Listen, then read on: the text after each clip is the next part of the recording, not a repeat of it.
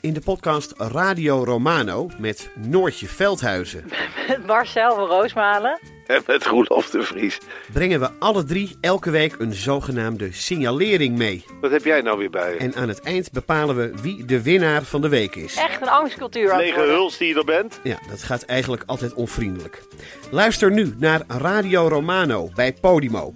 Via podimo.nl slash Radio Romano luister je 30 dagen gratis.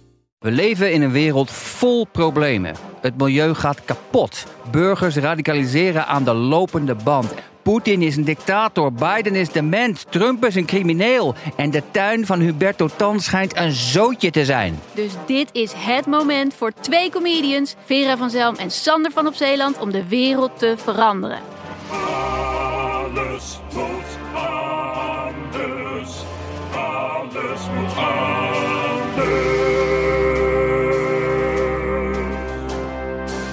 Hallo en welkom bij een nieuwe aflevering van de Eeuw van de Amateur. Een wekelijkse podcast over het leven en alles wat daarbij komt kijken. Mijn naam is Botte Jellema en dit is aflevering 153. Het is zomer en dat is de reden dat Ipe en ik het eventjes rustiger aan doen. We gebruiken ons archief. En nu weer een bijzondere aflevering. Namelijk een waarin ik probeer te reconstrueren waar de awkward mini coming out vandaan komt. De term komt met enige regelmaat terug in onze podcast. Maar hoe is dat ontstaan en wat bedoelen we er eigenlijk mee?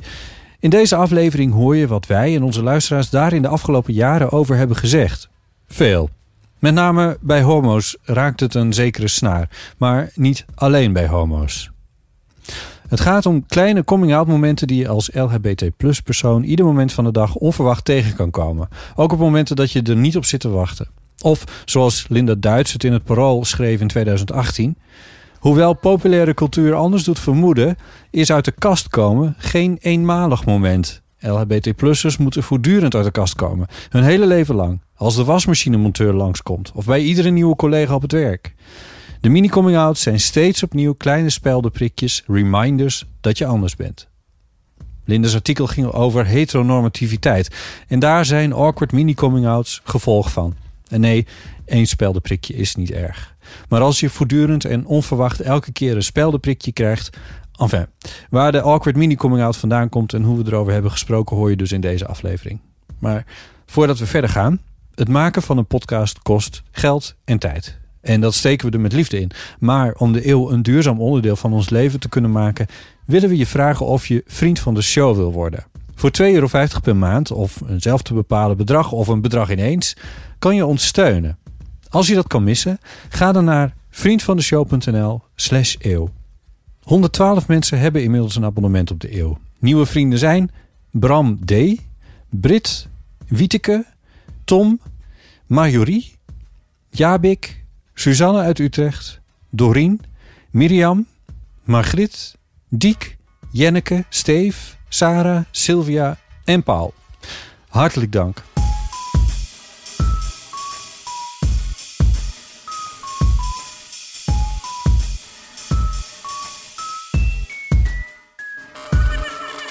Op 9 augustus 2017 twitterde Bas underscore VDB aan ons over wat hij als eerste in de wereld noemde awkward mini coming outs. Diezelfde dag namen wij samen met Paulien Cornelissen aflevering 39 op, waarin we zijn tweet behandelden. Laten we even luisteren. Van eh, Sebas- Sebastian Draws. Dat is een eh, Twitter-account. Het zal niet zijn echte achternaam zijn, maar... eh, Ja, ja, ja, ik weet deze je, vraag, je weet, weet het, ik. Je weet de Oh, vraag. ik Ja, weet- want ik je stond in de cc. Dit kwam via Twitter. Oh. Ehm, even kijken. Hoe kun je irritante, awkward mini-coming-outs ten opzichte van wildvreemden vermijden? Vind ik een heel goede vraag. Eerst even, wat is dat? Nou, dat is als Ik je... heb er wel een idee over, maar ik hoor het graag even van jullie. Nou, stel dat je je ergens moet... Stel dat je naar een feestje gaat... Iemand die je niet goed kent. Bij, Ja. bij kennissen. Ja? En die zeggen, neem vooral je partner mee. Ja? Hoe heet ze? Ja? En, En dan, dan zeg je, hij heet... Hij, ja, en Of- dat, is ja. een, dat is nou een. En, en zeker als dat bijvoorbeeld als het bij een baas is of zo, of bij iemand, dan wordt het een awkward mini coming out. Dat, is- dat, dat en dit is een staande term? Dit is een Nee, term? nee, oh dit- nee, oké. dit- Maar Maar wat is hier awkward aan? Dat is een heel goede vraag. Nou, Nico had, ik had het hier met Nico over, maar ik weet niet hoe, hoe hij hier nou bij kwam. Of dat nou ook naar aanleiding dan van deze tweet was. Want bij, en Nico, Nico noemde, zeg maar, die beschreef het anders aan mij. Ehm, dat je, zeg maar, sommige mensen, hoe, hoe, hoe moet ik het allemaal politiek correct eh, brengen? Nou, doe je eens eens on- politiek oncorrect. Nou, dus dat, eh, dat, dat je sommige mensen hebt die, die zeg maar zo manifest gay zijn... dat eigenlijk hun hele leven één permanente coming-out is. Ja. Door de, de manier waarop ze lopen of praten, et cetera. En dan gaan ze zeg maar na- naar de bakker, bij wijze van spreken... en dan is dat al een coming-out door, door alleen maar... doordat Door te ze zijn. op bij wijze van spreken verwijfde... de- weer airquotes, manier een brood bestellen. En wat zei Nico hier nou zo over? Van, oh, voor die mensen is het leven dan zo moeilijk. Hoe bedoel je? Voor die mensen is dat moeilijk? Ja, dus het... het Want dat- ik zou, ik vind daar- de coming out, vind ik vanuit dat je niet weet wat iemand is, naar dat je wel weet wat iemand Mhm. is.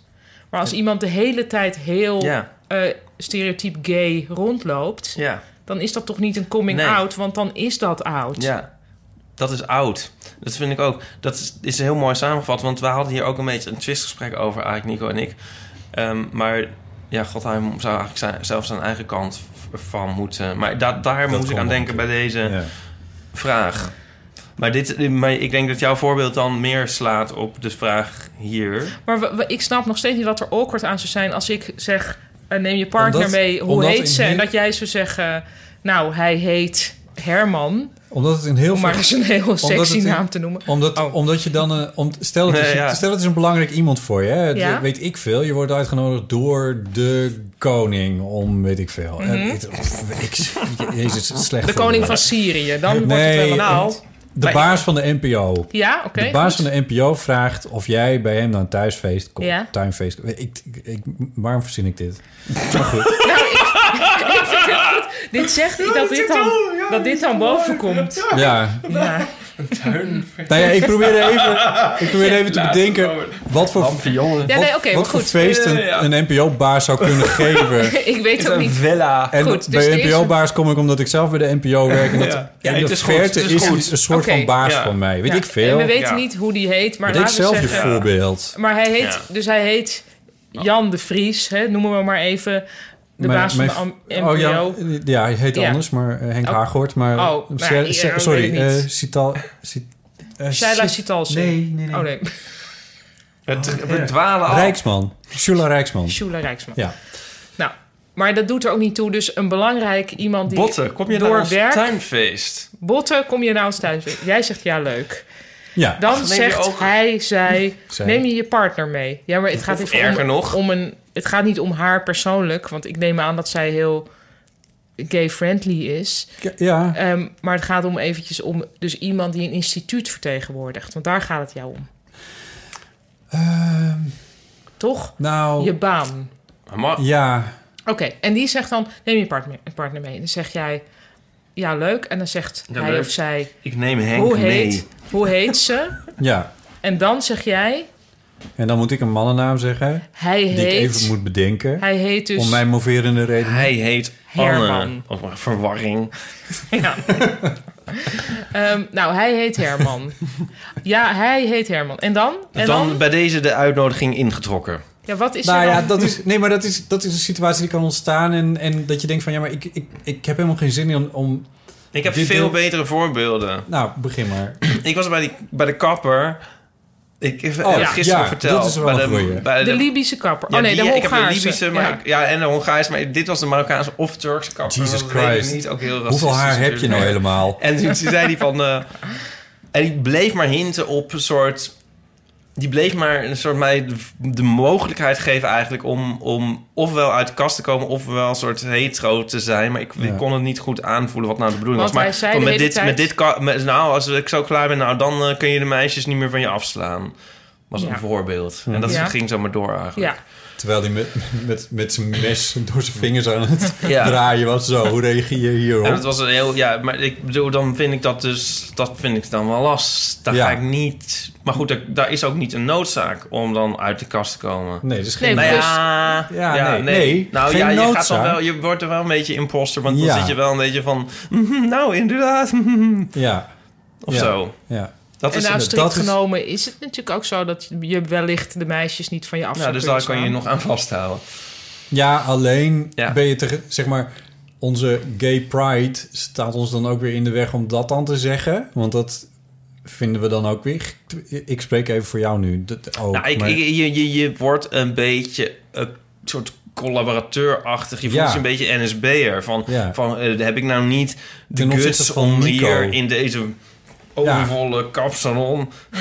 Dus zou, Gewoon zou moeten zeggen zeggen, van, nou, ik nou- hoop dat het de jongens zijn die ik niet van me af kan slaan. dat zou Zoiets. natuurlijk super tof zijn als je dat doet. Mhm. Maar dit, dan, vrees je toch een beetje raks en doe je het niet... en voel je weer wat lafjes. En dan, dit is me ook Ik snap bijgebleven. deze awkwardness, snap ik. Maar dat Ja. is een awkward niet coming Dat out. klopt. Ja, Wanneer klopt. is de coming out awkward? Nou ja, als Ja. je, als je nou, ik, dan eh, dan weet ik er ook nog eentje van, want die heb ik van, de, van Twitter, van jonge Jouke.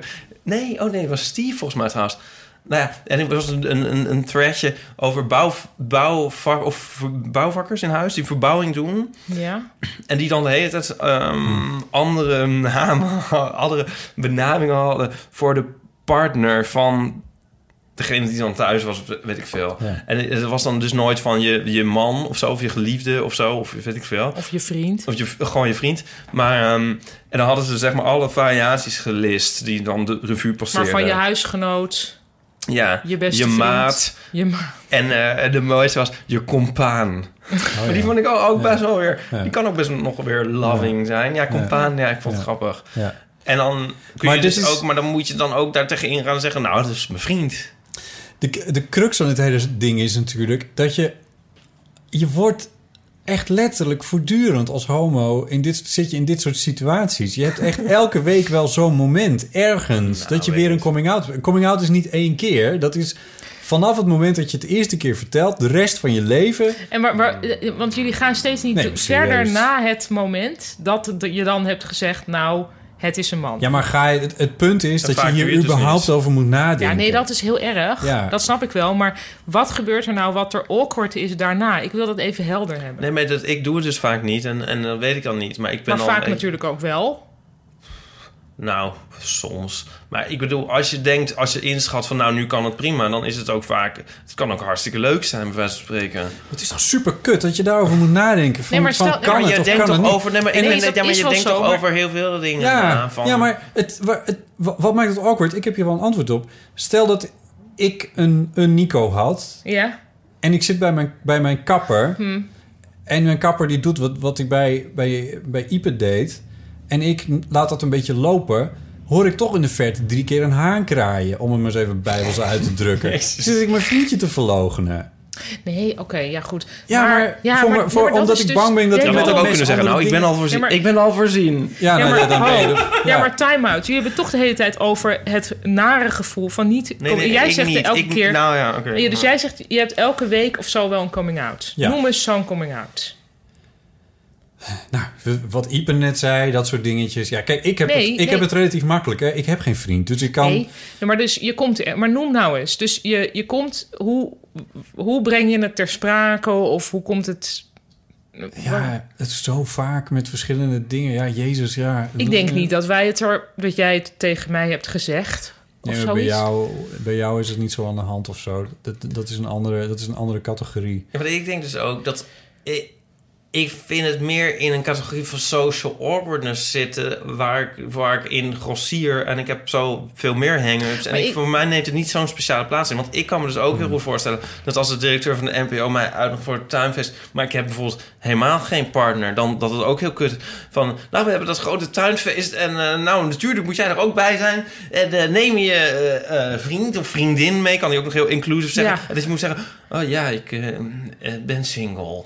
Of zo, dat is dan misschien ook wel heel kut van iedereen er blij. Al, al, al die Maar ook stelletjes op het en tuinfeest, voor, voor maar je wie moet is het alleen awkward? komen. Is het awkward voor jezelf of voor de ander? Kan ook gevoel. Het wordt natuurlijk... Dat is een ding met awkward. Dat het voor iedereen een beetje... eh, Ja, maar ik gek- vraag me dus af, want ik heb, nou, eh, ik heb misschien wel een steentje bij te dragen. Ik word heel vaak gezien als lesbisch, vroeger vooral heel veel. Ehm, voordat, voordat ik eh, moeder was of eh, voordat ik eh, openheid van zaken gaf over dat ik met Chris was.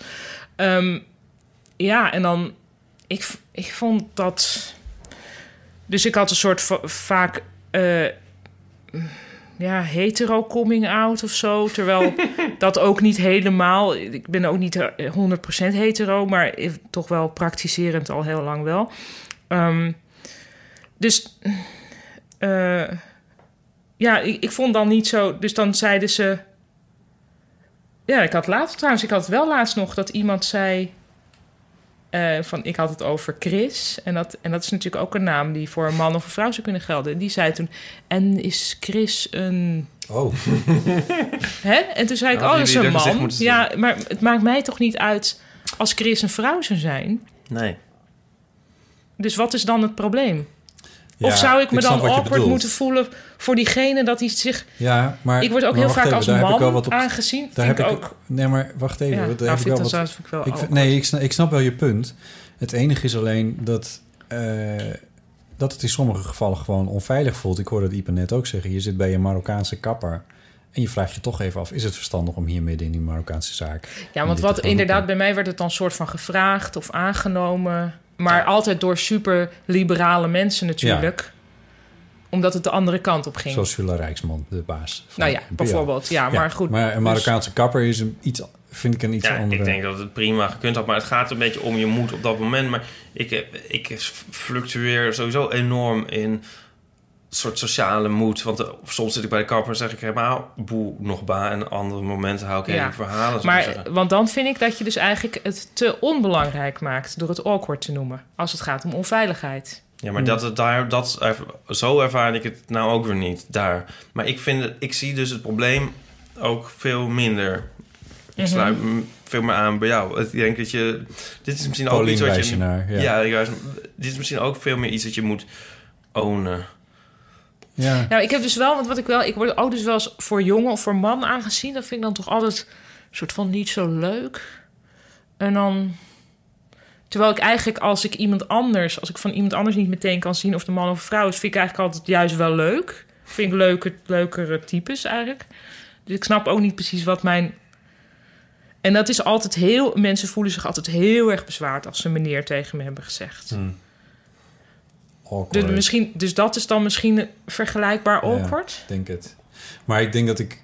Wat, wat jij net zei, van je moet het ook gewoon ownen. Ja, want de andermans aannames zijn jouw probleem natuurlijk eigenlijk niet. Nee. Je moet, als je, dat, dat is het advies dan aan Sebastian ook. Van, ja, je moet er ook een beetje boven staan. Het lukt mij niet zo goed hoor, dat zeg ik meteen bij.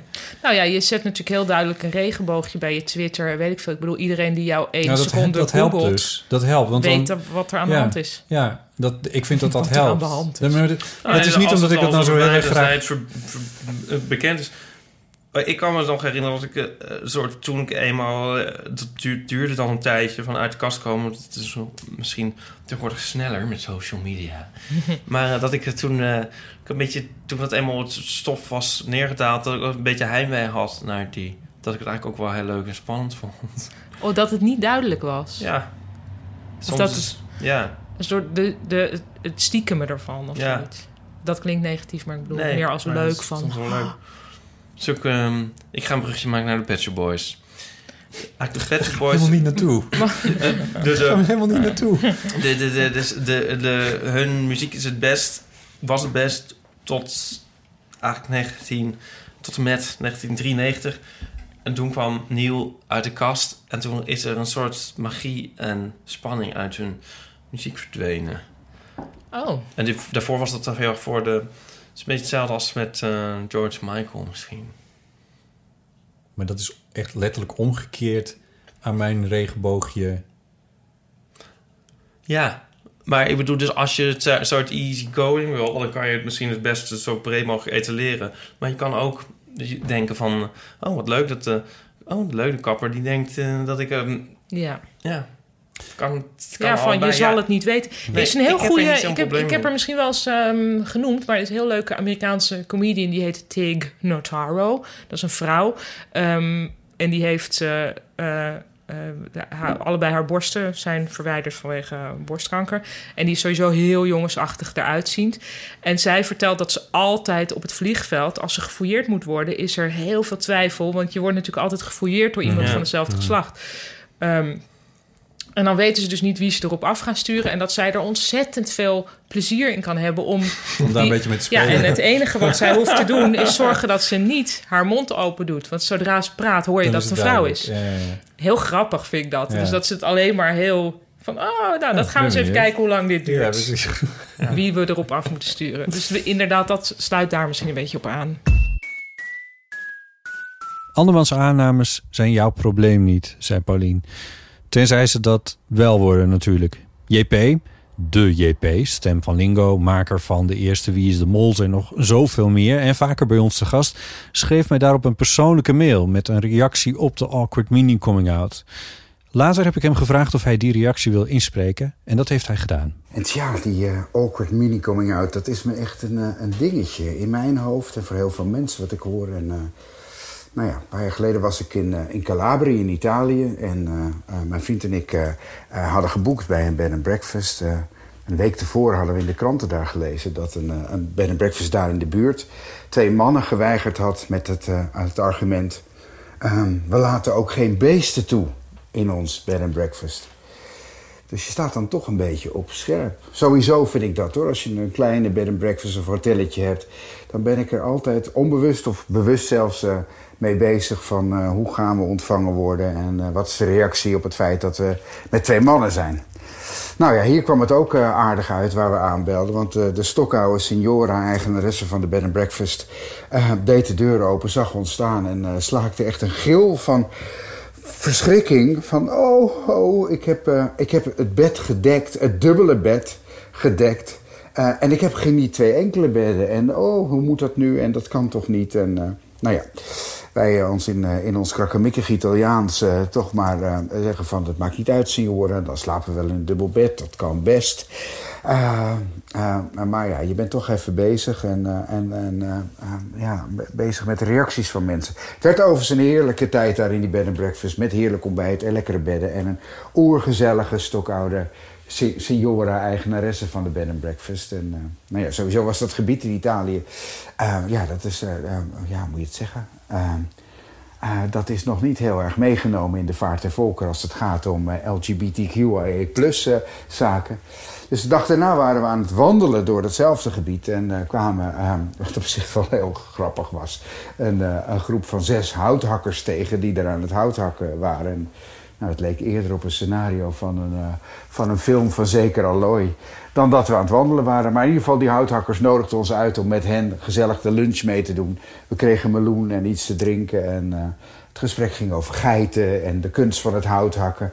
Ehm, en waar wij vandaan kwamen. Dus, eh, en je weet, als, eh, als Amsterdam in de vreemde je, je thuis is, dan eh, gaat het al vaak over de, de schoonheid van Amsterdamse vrouwen. Dus die werd inderdaad door onze nieuwe vrienden, de zes houthakkers, in alle toonaarden bezongen. Want blond en lief en leuk en toegeeflijk misschien wel, wat we er zo van konden ver, ver- verstaan. Maar, ehm, ehm, en, en, en dus voel je dat, dat is ook, laten we zeggen, je, je awkward mini-coming-out antenne die uitgaat. Want eh, ah, je voelt de vraag gewoon aankomen, althans ik voel dat, van... eh, hey, waar zijn jullie vrouwen dan, eh, jongens? Eh, eh, zomaar met z'n tweeën wandelen. We hebben dat veel vaker meege- meegemaakt. We hebben veel gereisd, in China veel gereisd. En ja, daar hadden we eigenlijk een, eh, een standaard antwoord van... eh, where your girlfriend of where your wife? Als eh, van... ja, she stay at home, much better. En dan met een grote glimlach. En natuurlijk werd dat door onze gesprekspartners eh, altijd beaamd. Haha, stay at home, your girlfriend, much better. Maar dat wil je niet meer eigenlijk in this day and age. En eh, wat Ipe ooit al zei in, eh, in de onvolprezen eeuw van de amateur. Van, eh, ja, je voelt je zo'n ongelofelijke NSB'er als je, laten we zeggen, het bestaan van je relatie ontkent. En het bestaan van je geaardheid ontkent in gesprek met anderen. Daar moet je moedig in zijn en kloek. Dus ik heb me voorgenomen dat nooit meer te ontkennen. Maar dus wel ja, bij tijd en wijle eh, te ontvluchten. Dus nog voordat onze houthakkersvrienden konden vragen van... eh, waar, waar zijn jullie vrouwen dan? Of eh, hoe zit het in jullie leven met relaties? En ben je getrouwd of heb je verkering? Hebben we snel onze meloen doorgeslikt... een laatste slok van een lunchdrankje genomen... en gezegd, jongens, we moeten weer wandelen. Arrivederci, dank voor de lunch. En tja, ik ben benieuwd eh, hoe jullie daar eh, inmiddels over staan. Ik hoop eh, dat iedereen op oorzaken een oplossing heeft, zijn of haar methode, om deze awkward mini-coming-out te pareren eigenlijk. Op 20 september 2017 maakten Ipe en ik samen aflevering 42... waarin we een reactie van Ruben behandelden. Maar in ieder geval op die mi- awkward mini-coming-out... en ik moet eerlijk zeggen dat ik nog van plan was... om even terug te luisteren wat we er nou al over hadden gezegd. Uitdeelzak mini coming out. Ja, die grap was al gemaakt. nou, er zijn best wel veel reacties op gekomen. Nou. Maar deze vond ik wel heel leuk en bijzonder ook. eh, van Ruben. Eh, hij zei: Ik kan op twee manieren uit de kast komen. Als een man die op mannen valt en als aseksueel.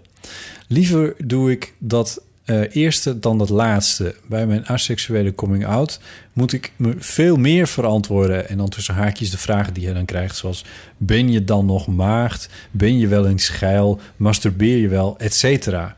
En hij schrijft: En vaak heb ik daar helemaal geen zin in. Vandaar dat ik mijn aseksualiteit meestal verzwijg. De meeste mensen in Nederland vermoeden wel dat ik op mannen val. En stellen daar dan vragen over. Een mini-coming-out als homo is lang niet zo ongemakkelijk als die als aseksueel. Er komt nog meer trouwens, maar. Maar hij bedoelt dan dus homo... Ja, ik, ik mag dat woord geloof ik niet gebruiken van Gert Hekma... maar homofiel. Ik bedoel, dat, hij van man... heel jaren zeventig woord. Ja, ook. daarom. Maar ik bedoel, want, eh, want als je aseksueel bent, dan kan- ben je dan, ik bedoel, dan houdt hij van mannen of zo, Hij lief- van- qua ja, liefde Hij of valt zo. op mannen. Ja, hij valt op mannen. Dat schrijft hij Liefdes- eerste zin. Een man die op mannen valt. Ja. Maar eh, seks heeft hij niet zoveel interesse in. Denk, denk ik in heel erg hokjes en, en eh, ik ben natuurlijk veel, ik ben natuurlijk veel, veel te seksueel om dit toch goed op me door te laten dringen. Ja, ja, maar dit is misschien ook wel waarom... Want ik, ik snap wel dat dat... Ik snap wel dat het complex is om uit de kast te komen als aseksueel. Ondertussen denk ik ook een beetje... eh, misschien hoeft dat niet. Nee, wil je dat dan graag delen? Want als je niet, als je niet zegt dat je aseksueel bent, dan krijg je niet, dan krijg je niet de vraag: ben je wel eens geil en ben je nog maagd? Dus dat kan je dan ook wel voorkomen. Ja. Maar als je dat natuurlijk wel, als je dat wil delen met de wereld. Ja, maar ondertussen denk ik dat het misschien ook naïef is van mij. Omdat ik dat natuurlijk nooit hoef te doen. Of natuurlijk, maar dat hoef ik nooit te doen. Maar... ehm, Het is dus heel erg in aseksualiteit. Ik heb er ook een strip over. Over Ja? aseksualiteit. Maar je hebt eigenlijk over alles onderhand een strip natuurlijk. Ja, die. ehm, Vertel hem maar even. Gaat over. ehm, Zet ik even thee. Oh ja, nou, ik weet eigenlijk alleen de punchline van eh, wat zal je dan een hoop tijd over hebben? Oh ja, oh ja die kan ik me wel herinneren Ja. inderdaad. Ja. Maar ik ben nu bang dat we heel, of vooral ik dan heel bot ben en zo. Ja, oh ja. Ja. dat snap ik wel, ja. ja, en dit zal ook wel zo zijn. Ja, excuses daarvoor.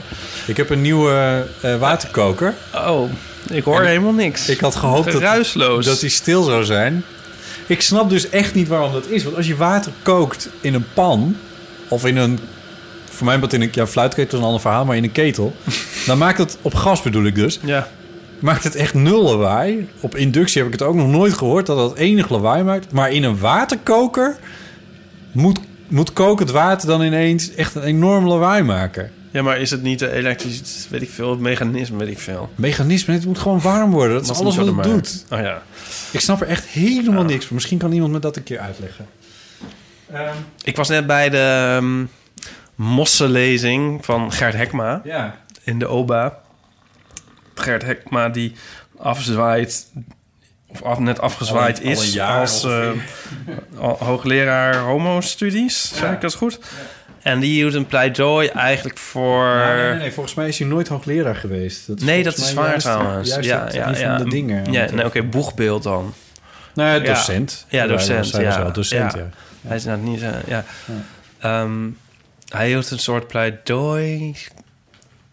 Zeg ik dit goed van? Zeg maar... al- al- Jij was bij de lezing. Ja, ik was bij de lezing. Eh, hij zei zo, ja, de homoseksualiteit is, is homo-acceptatie. Alleen, alleen het is zo verwaterd geraakt. Ehm, ik parafraseer het echt heel erg hoor. Mhm. Dus ehm, de ho- homoseksuele identiteit die is bijna niks. Zeg maar, er is heel erg eh, voegen homo's zich naar ehm hetero normen. En ehm, hij zou het leuk vinden als er veel meer diversiteit zichtbaar werd van ehm, seksuele voorkeuren en gedragingen. Dat mensen dat zeg maar veel meer uit, uitdragen. En veel vrijer zijn in hun seksuele beleving. En dat het veel meer laten zien. En dat is. Dat als je het lekker vindt om satijnen broeken te dragen... dat je dat dan gewoon Ja, doet. Zoals dat- Gert Hekma doet. Ja, ja. Dit is geen geheim, dit staat gewoon in kranten. Ja, ja, ja, ja. Ja. En ehm, Maar dat bedoelt hij dus, dat je dus het expliciete wordt over je seksbeleving. ja, dat dat. een- Ja. Zou je dat willen? Nou, ik snap wel een beetje wat hij bedoelt. En dat je niet, zeg maar... ehm, dus monogamie vindt hij heel erg eh heteronormatief. En op co, co, coitus, zeg ik het goed, gerichte seks. Ja. En terwijl er zoveel... Geslachtsgemeenschap. Ja, terwijl er zoveel andere vormen van seks zijn. En ehm, hij zei ook door de pil... Het komt eigenlijk door de pil dat eh, dat, dat, dat zo eh, prevalent is Oh, geworden. Oh. Nou ja, Oh. ja, dat werd ook weer... Dat kwam uit de zaal van, van iemand een typische mannelijke opvatting. maar in ieder geval... Een, Door Linda Duits? nee, Oh. maar een beetje is het wel... Ik bedoel, ik snap wel een beetje wat hij bedoelt. En in dat kader is het ook wel leuk dat er dus nu... Dat asexualiteit, dat dat ook meer... ehm, dat er meer mensen als asexueel naar buiten treden. is op zich wel... Ja, je zou kunnen zeggen dat is dan weer net weer buiten dit bestek van Ja. dit. Maar ook weer niet natuurlijk. Nee. Nee, maar, Maar, het is een contradictie in termen, ja. dus maar ga verder. Ja, maar eh, nee, wij dus eh, nu, nu ga ik dan, sta ik dan weer een andere toon aan, maar van meer sympathie. Van dat is natuurlijk vervelend als mensen daar dan ehm, stom op reageren of domme vragen Ja. over stellen. Maar je, het is, je kan ook zeggen van het, als je dat bent, van ga ervoor staan en kom daar gewoon mee Ja. naar voren. En ehm, Ja. wie weet wordt dat ook eens eh, nog eens wat breder geaccepteerd. En eh, op een gegeven moment zijn die vragen gewoon beantwoord voor Jan Modaal. Ja, Jan Hetero. Jan Hetero. Mooi, ja. Ga ervoor staan en kom ermee naar voren. En op een gegeven moment zijn die vragen gewoon beantwoord voor Jan Modaal. Als altijd een optimistische wereldvisie van Ipe. De volgende aflevering, half oktober 2017 opgenomen, is Paulien weer te gast. En Ruben heeft gereageerd. Hij schrijft nu: Asexualiteit is weinig zichtbaar en daarmee vind ik het juist fijn als meer in de media benoemd wordt, zoals in een fotostrip of Bojack Horseman. Ja, Dat, dat, is- dat kijk jou even aan, Ipe, maar. dat is zo'n tekenfilmserie op Netflix Oké, over Ik- een paard. Oh ja. oké. En- Ik heb het nooit gezien. Nee. Maar Jonica zei dat ik het moest kijken. Ruben schrijft verder: eh, Ik ben verre van beledigd door zulke grappen.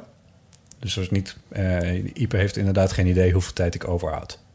Dat schrijft hij. Want Ja. bij Hij jou bedoelt dus dat hij inderdaad maar- veel je- tijd overhoudt. Ja, door, de- door niet met seks bezig te zijn. Wat, wat, je- wat de grap was van jouw strip, Ja. volgens mij. Ja. Nou, dat was het. Oh, daar is hij niet, niet door beledigd. Nee, Nee. nee, dat vindt hij juist wel goed dat het wat vaker in de Oh, media zo. komt. Oh, ja. Was ik, zei ik dat ik daar bang voor was misschien of zo dan? nee, nou, we- nee, nou, dat weet ik even niet meer. Nee. Maar- Oh ja, maar dat was niet zo. Nee, maar hij reageerde daar nog eventjes op. Eh, en hij benadrukt verder nog eventjes dat awkward mini-coming-outs dus niet alleen voor seksuele minderheden zijn. Eh, en dat het niet stellen van persoonlijke vragen een oplossing zou zijn. Dat durf ik een beetje te betwijfelen of dat zo is. Voor... Het niet stellen van persoonlijke vragen. Ja, want dat is, de, dat is juist het probleem bij de awkward mini-coming-outs. Is dat het heel vaak niet over persoonlijke vragen gaat. Ja. Uit, uitdeelzak mini coming out. Ik ga het toch nog één keer weer zeggen. Uitdeelzak mini coming out. Ehm, Omdat het, omdat het gebeurt... eh, maar daar hebben we straks nog een mooi voorbeeldje van. Maar dat komt eh, zo meteen wel. Ja, maar eh, als je niet meer persoonlijke vragen stelt, dan wordt het toch ook. Ja, hier. Oh ja. Nee, ehm, ja. Nee, ja, dit is uit, een- uit de privésfeer. Nee, maar Nico vertelde dat iemand en die was, was helemaal in huilen uitgebarsten en zo. Maar toen had hij wat. eigenlijk een niet soort. Nee, ik kan dit allemaal helemaal niet vertellen. Oké. Maar je moet wel persoonlijke vragen soms stellen, toch? Ja, Want juist anders wel. kom je nergens in het leven. Nee, ja. ja. Maar la- laten we dit nog even een beetje Oh. Opzouten. De awkward mini outs, want Ja. daar komen straks nog weer op.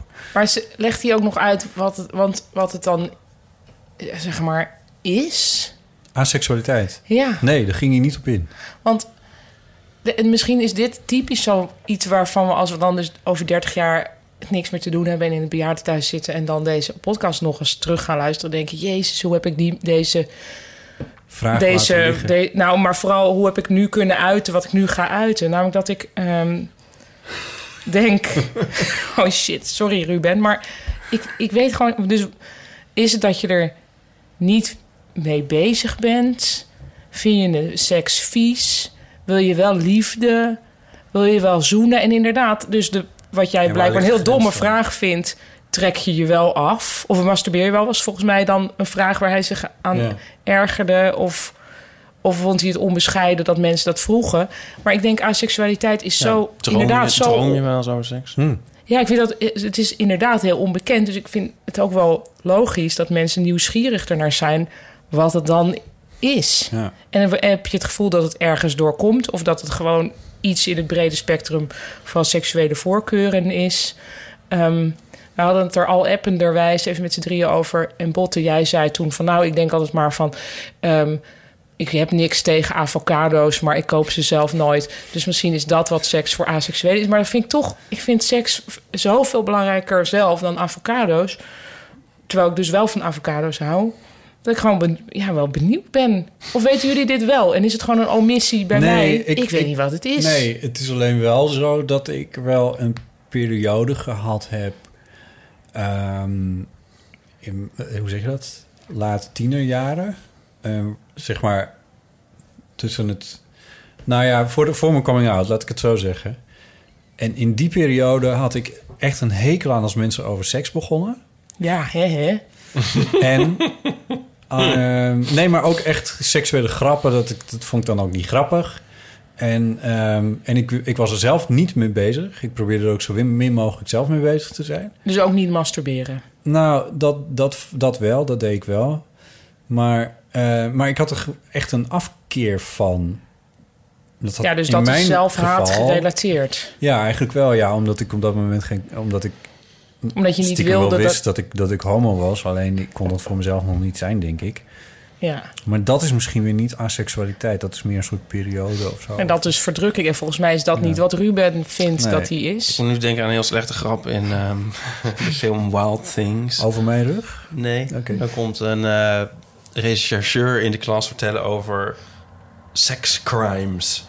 Ehm, Kevin Bacon is dat en die schrijft dan op het bord heel groot sex crime. En dan vraagt hij zo aan de klas: What is a sex crime? En dan roept zo'n jongen van achter in de zaal: Not getting any. Sorry. En dit is dus... Welke film is dit? Wild Things. Een hele leuke film. Nou, Eh, ik ben wel gewoon ja. wel benieuwd. Misschien Ja. kan Ruben... Ik weet niet wie... Hij mag wie hem anoniem. kennen. Ruben mag anoniem. Eh, anoniem vertellen wat het is. Of komen vertellen Misschien iets, iets over vertellen, inderdaad. En of dat... Of, Nou, want jullie zaten idee- er dus super soort van... Alles is goed en respectvol over te praten, wat natuurlijk fijn is. Maar ik, ik Ja, maar daar weet je nog steeds niet echt veel van, over. Maar hè? En inderdaad, wat jij ook zei, van moet je dan wel uit de kast komen? Want ik hoef toch ook niet uit de kast te komen met wat ik precies leuk vind in bed of zo. Nee. Ik kan me voorstellen dat het pas bij een potentiële partner dan handig is om te zeggen: Oh ja, eh, overigens, in het geval van Ruben, seks interesseert me niet. Ik wil eigenlijk wel alleen maar samen op de bank zitten. Misschien zeg ik nu weer een heel groot cliché over asexualiteit. Ik, ik heb geen idee. Nou, ik ik het geloof niet dat ik iemand ken die, eh, die is. Ik heb ook ooit zei iemand tegen mij: seks is leuk, maar samen Nova kijken is ook heel leuk. Nova. Nova, in die tijd nog. Eventjes wanneer, wanneer dit allemaal pot. Goed. Oké. ehm, Clary Polak. ik heb een keer iemand ontmoet die... Of heb ik dit al eens verteld? weet ik niet. Die fan was van en Clary Polak en Gerard Joling. En dat vond ik zo is moeilijk overlappende is een- fan-diagrammen. Ja, Ja, Fan-diagrammen. ja. weet je wel. want- ja, ja. Ja. Fan-diagram. Oh, dat is heel gek, ja. Goed, terug naar het onderwerp. Aflevering 44 maken Ipe en ik samen met Ipes vriend Nico. Diederik, Diederik Broekhuizen, belde in over de awkward mini-coming-out... met, dan toch eindelijk, een concreet voorbeeld. En ineens is er ook een hetero-twist aan dit verhaal. Ja. Oké, zullen we even luisteren naar, eh, naar Diederik en zijn... eh, Ja, maar dan willen wij ook zendtijd in, een, in de beste social media podcast. ja, van, even kijken hoor, vier en een halve minuut. Jezus, echt? Hey, heel van de amateur, Diederik hier. Ja, ik had een beetje het gevoel dat jullie al klaar waren met eh awkward eh mini-coming-outs. Maar ik ben dat nog niet, want ik merkte dat ik best wel aansloeg op het verhaal van JP. En toch de behoefte had om ook mijn Akkie eh, mini-coming-out te delen. Eh, op kantoor noemen wij awkward Akkie, met mijn collega's, omdat we zelf zo'n hekel hadden aan het woord awkward. Want zeg dan gewoon ongemakkelijk. Ben ik wel benieuwd wat Paulien van dat woord vindt. Want ja, ik stoor me heel erg aan het woord awkward. Dus heb er dan iets Nederlands van gemaakt dat het dan niet Akkie is. Dat dat eh, net zo naar is als awkward, maar tenminste wat Nederlandser klinkt. Dus mijn Akkie uh, mini coming out gebeurde eigenlijk uh, tweemaal in een trip naar Zweden, notabene. In wat? Want Zweden voor mij is toch het uh, walhalla van, uh, van ook vooruitstrevendheid. Ik heb überhaupt geen kroon aangeraakt het hele weekend, omdat alles uh, met pasjes was daar. Ik heb letterlijk geen munt gezien, dus je verwacht toch een soort vooruitstrevendheid. Maar de toon werd al gezet in de taxi naar het vliegveld. Want ik zat met um, mijn vriend en mijn, uh, een van mijn beste vrienden in de taxi. En uh, het ging een beetje over ja, hoe, hoe zijn rating was. Want ik had Black Mirror gezien. Ik weet niet of jullie die uitzending niet zien, maar dat ging dan om um, dat je de hele maatschappij straks ratings is. En dat we alleen nog maar aardig tegen elkaar doen omdat we ratings van elkaar krijgen. En die aflevering van Black Mirror, wat overigens een van mijn lievelingsseries is, ja, die is heel ja, die is eng goed, want die lijkt gewoon al heel erg op hoe de maatschappij nu is en waar we naartoe gaan. Namelijk dat je vriendelijk tegen elkaar gaat doen, omdat je ratings uh, aan elkaar geeft. En wat veel mensen niet weten is dat wij zelf als um, Uber-gebruiker ook ratings krijgen van de taxichauffeurs. Alleen kun je je eigen rating niet zien. Maar zij kunnen jouw rating wel zien. Dus taxichauffeurs geven jou ook ratings. En wij geven natuurlijk veel taxichauffeurs ratings. En ik zag dat hij een hele hoge rating had. En ik zei daar iets van. En ik zei, ja, maar ik ben echt, ik ben super aardig, weet je, en super sociaal. Want ik praat met iedereen. Nou, dat was ook zo. Hij babbelde gezellig op los. En um, weet je, ik ben tolerant naar iedereen toe. En uh, ik had zelfs, tijdens, ja, hiervoor had ik een rit met, ja, met die stel homo's. Ja, daar heb ik dus, dat, dat, ja, weet je, dat vind ik niet oké. Maar ik zeg daar dan niks van. En toen, nou, toen trokken wij natuurlijk helemaal weg. Want ik vind het heel naar als iemand van mij zegt dat hij mij niet oké vindt. Maar hij wist natuurlijk niet dat ik gay uh, ben. Maar ik dacht, ik moet er eigenlijk iets van zeggen. En ik zat vijf minuten lang uh, me erover op te winden. En ik was eigenlijk stil. En ik voelde ook een mega akkie stilte in de taxi. Maar niemand durfde wat te zeggen. En dat stoorde me later zo erg dat ik er dus uitgestapt. En heb hem ook geen slechte review durven geven. Want ik vond dat ik zelf misschien iets had moeten zeggen of zo. Maar ik heb er heel erg mee gezeten. Dus ik heb het wel nog op Twitter uh, geuit. En ik het toch ergens kwijt moest. Maar ik baalde later heel erg dat ik er maar niet op aangesproken was. Dat ik wel oké ben. Uh, of dat ik in ieder geval niet als een soort Ipe, wat Ipe ook zou willen, en toch erop aangesproken heb. Want ja, anders verandert er nooit iets. Nou, vervolgens kwamen we in Zweden het... Uh, een paar uur later, uh, flashback naar voren, kwamen we aan het, in het hotel. En ik, ik, ik gaf mijn paspoort en die van mijn vriend.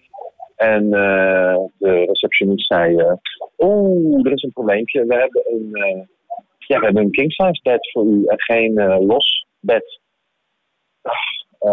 en toen zei ik: Nou, dat is helemaal niet erg hoor. We kunnen prima met z'n tweeën in een king size bed. En ook daar weer ging ik niet voor de actie uh, mini coming out, maar zei ik dus niks. Nou ja, zeker op één dag. Dus uh, ik beloof hierbij uh, heilig dat het mij op dat soort momenten zal proberen uit te spreken om een soort bewustzijn te creëren dat, ja, dat er niet alleen maar hetero's in deze wereld zijn. Anyway, oh anyway, terwijl ik zelf helemaal niet van Engelse woorden hou. Um, maar goed, ik ben heel erg op deze nieuwe eeuwofoon. Heel veel succes met de podcast. Botten tot snel bij de opnames. En groetjes. Joe.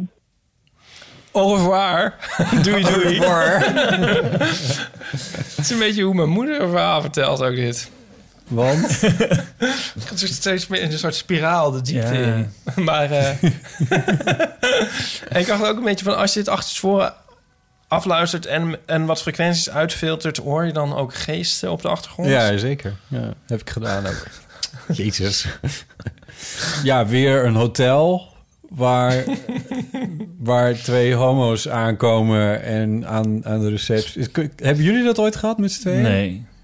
Maar ik heb hier ook zelfs weer een keer een strip over gemaakt. Ik heb dus in mijn leven nog niet in een hotel Ja, gehad. Als- dat is weer iets anders. Ja, maar ik bedoel, ik wil altijd een één bed natuurlijk met hè, mijn vriendje of maîtresse. En dan krijg je dus nooit. Wat? Je krijgt altijd ja, twee losse bed van bedden. Ipe of zo. Maar dan heb je Je krijgt altijd het bed dat je niet wil. En je Als je verliest op een altijd de conferentie bent een, met een ongemakkelijke collega, dan krijg je één bed. En als je met een, met een hotte, hotte date bent, dan krijg je twee bedden. Je weet dat je erom kan vragen, hè, om double room. Ja, maar dat gaat dan- altijd mis. Je kan erom vragen, maar dan gaat het sowieso mis. Dus je kan het nog het beste maar aan het lot overlaten. Ik, ik heb echt nog nooit gehad dat het misging. Echt niet? Ik heb Nee. altijd... Oh, ik heb er ook verhalen over. Maar goed, maar dat, dat leidt heel erg af van dit Akkie-verhaal van... Stop trying to make Akkie happen. ik vind het wel lovenswaardig. Wij hebben toch ook allemaal woordjes? Ja, dat is waar. Ja, Akkie. Zo heet... eh, Het hondje van... ja, zo heet toch iemand? Ik ken iemand die zo heet, of niet? nou ja. Nou weet ik toevallig dat jullie twee weken geleden, wat was het, eh, in een eh, hutje in het noorden van het land zaten. Oh, ja. Oh. Vertel Jij wil dat wij ook een verhaal vertellen? Ja, natuurlijk. Is er een verhaal te vertellen? Ja, van Martin. Ja, maar dat weten we niet. Nee, dat weten we niet. Dus ik vind het ook niet tellen. Nee, dat vind ik ook niet tellen. Ik heb wel dat verhaal van die rijschool, wat ik eventueel zou kunnen vertellen. Och ja, dat moet je vertellen. Oh, je dat vertellen? Dat is heel leuk. Martin horen we niet, rijschool wel. Ik vind het een goede deel. Ja. ehm, Laat je Nico ook een deel vertellen. ja, ik vind wel dat Nico meer aan het woord moet. Dat is eigenlijk wat ik bedoel. Ja, want straks liggen we in bed en dan zegt hij... in twee losse bedden is dat dan. Want we hebben dus, dat ging dus mis met het bestellen. We hadden één groot matras besteld. en toen hij, oh ja, het zijn... Ja, we dachten twee mannen, ze hebben twee losse matrassen. Toen zeiden we, nou, dit is goed. Ja. Want, eh, de, beetje akkie. Ja. Ehm, nee, maar dan ga jij straks zeggen van... ja, ik had misschien meer moeten Nee, zeggen. ja, nee, dat is allemaal prima. Maar ik had dus mijn... Ik ging, mijn, ik ging rijlessen nemen en, haal, en het rijbewijs halen. Allemaal Ja. ging helemaal heel vlot en voorspoedig. Ja. En ehm, ik had de rijschool op Facebook bedankt van... Goh, wat fijn eh, en een goede recensie ges- geschreven. Ja. En toen hadden zij gecomment eronder van... Goh, eh, we zien dat je... We hadden begrepen dat je een auto hebt gekocht. Kom je, eens kom je eens laten zien? Ja. Eh, liefst Ellen en Ellen. Dat zijn de receptionisten van de Ja. rijschool. Ja. En eh, toen kwamen we dus met onze Travis kwamen we zo aanrijden, heel gezellig, Ipe mee. En ik Ipe voorstellen aan Ellen, want de andere Ellen was er niet. Mhm. Ehm, en toen zei ik tegen Ipe, goh, moet jij niet ook eens gewoon een proefles gaan doen? Zodat Ellen het hoorde, zodat Ipe ook niet meer terug kon. En zodoende kwam Ipe dus bij de rijschool om een proefles te doen. In de simulator dan wel, hè? Ja, ja dat moeten we wel even bij zeggen. Ja. Ja. En die liep, dat liep slecht af, want ik werd eh, misselijk daarin. maar in het, eh, ik moest even, toen ik daar aankwam, toen moest ik even wachten voor ik terecht kon. En ehm, de rijschoolhouder, die was eh, ondertussen aan de telefoon. Met kennelijk een vriendin van hem. En hij zei, hij had het over een foto die zij blijkbaar op haar website had staan. En Hmm. hij vond dat geen geschikte foto. En hij zei, nee, ja, maar die foto, je bent veel leuker in het echt. En zo presenteer je je niet goed. En het trekt helemaal de verkeerde klandizie. En dat is niet de juiste uitstraling. Er moet echt een andere foto. Nou ja, zo ging hij maar door. En zij gaf het dus blijkbaar nog niet toe. En toen zei hij... We hadden die man dus ook al gezien de paar dagen daarvoor samen met het autootje. Zij wist dat wij bij elkaar hoorden. Toen zei hij, "Eh, weet je wat? Ik zit hier met een meneer... En eh, die meneer is met een andere meneer. En eh, die heeft dus, dus kijk op vrouwen en op hoe je je moet presenteren. Dus wat ik doe, ik zet je op de speaker en ik laat die meneer laat ik die foto zien. En dan kan hij kan zeggen even wat hij daar nou van vindt. Was, was, wi- wist, wist, ja, wist jouw rijschoolhouder... Was, was dit een man waar je bij hebt les Nee, nee, nee, nee. Dit is de eigenaar van de rijschool. Oké, ja, ja. ja. ja. Dus die wist verder niets van jullie, maar... Maar ja, die had ons gezien. Ja, en hij, je had volgens mij bij mij wel Ja, ik had voorgesteld dit je- is mijn vriend. Ja, Ja, ja, precies. Ja, ja, Oké, ja. Ja. Dus het was niet in die zin een coming out, maar het was dus meer een geval van, eh, van dat je opeens allerlei eigenschappen krijgt toegedicht, zoals een kijk op een objectieve kijk op vrouwen en weet hebben van hoe iemand zich moet Ja, presenteren, ja. et cetera. Ja, dus ik kreeg die vrouw aan de telefoon en die foto was inderdaad Afschuwelijk. ik, we kunnen wel in de show notes zetten. Nee, maar... Nee, nee, nee, nee, nee, nee, nee. dat kan niet. Nee, maar ik probeerde natuurlijk die vrouw... Ik bedoel, ik ging daar ook weer verder niet in mee zozeer. Maar het gekke was dus eigenlijk dat hij nog gelijk had ook. Ehm, Maar, ja, maar hij schoof eigenlijk de verantwoordelijkheid voor het zeggen ja, van... maar ik vond het zo'n... Dit was een geval waarin iemand eigenlijk heel erg inclusive doet, hè? Van, Ja. van hij heeft het begrepen, Ja. hij weet het juist heel goed dat wij... Hè? En hij gaat daar een soort heel open mee om. En, maar ja, met een soort gekke aannames. En hierbij had ik dan weer ook weer zoiets van... dat ik het dus eigenlijk persoonlijk helemaal niet erg vond. Ook zelfs op een bepaalde manier wel geestig. Maar dan voel ik een soort imaginair publiek... dat er wel boos Ja, om ja, is. Waardoor ik denk van eigenlijk zou ik hier dit niet oké moeten vinden. Maar dat vond ik het eigenlijk wel. Ja, nee, dat is het precies. Ja. Ja, dat is het Ja, precies. dus misschien kun je hier ook nog een term voor verzinnen. Ja. Ja. Hoe, hoe vond jij, Nico, de... Hoe zeg je dat? Is het, is het bij rijlessen ter sprake gekomen dat je een vriend hebt? Ja. Ja. Ja. En hoe werd erop gereageerd? Niet. Niet. Nee. En dan bedoel je... Ja, gewoon als feit aangenomen. Ja, precies. Verder En- prima. ja. En- ja, ja. Hoe noemde Marcus dat nou ook weer van... eh, toen in eh, Oh, Duitsland god. Ja, zo'n mooie term voor. ehm, eh, pff, o- o- over, nee, Overacceptatie. overacceptatie. Ja. Oh ja. Dat is het ja, want we- god, dat is ook nog wel... Wij waren toen in Stuttgart, denk ik, in een kroeg. Ja. En toen kwam een man... Wij, zaten, wij waren gewoon soort duidelijk een stel uit aan het zijn gaan. Toen kwam dus een man naar ons toe en die ging maar door over hoe geweldig die er wel niet vond en hoe, eh, hoe, accepteer, hoe erg hij dat niet allemaal accepteert. Ja. En, en hij bleef maar doorgaan en oh, dat is echt, echt vreselijk.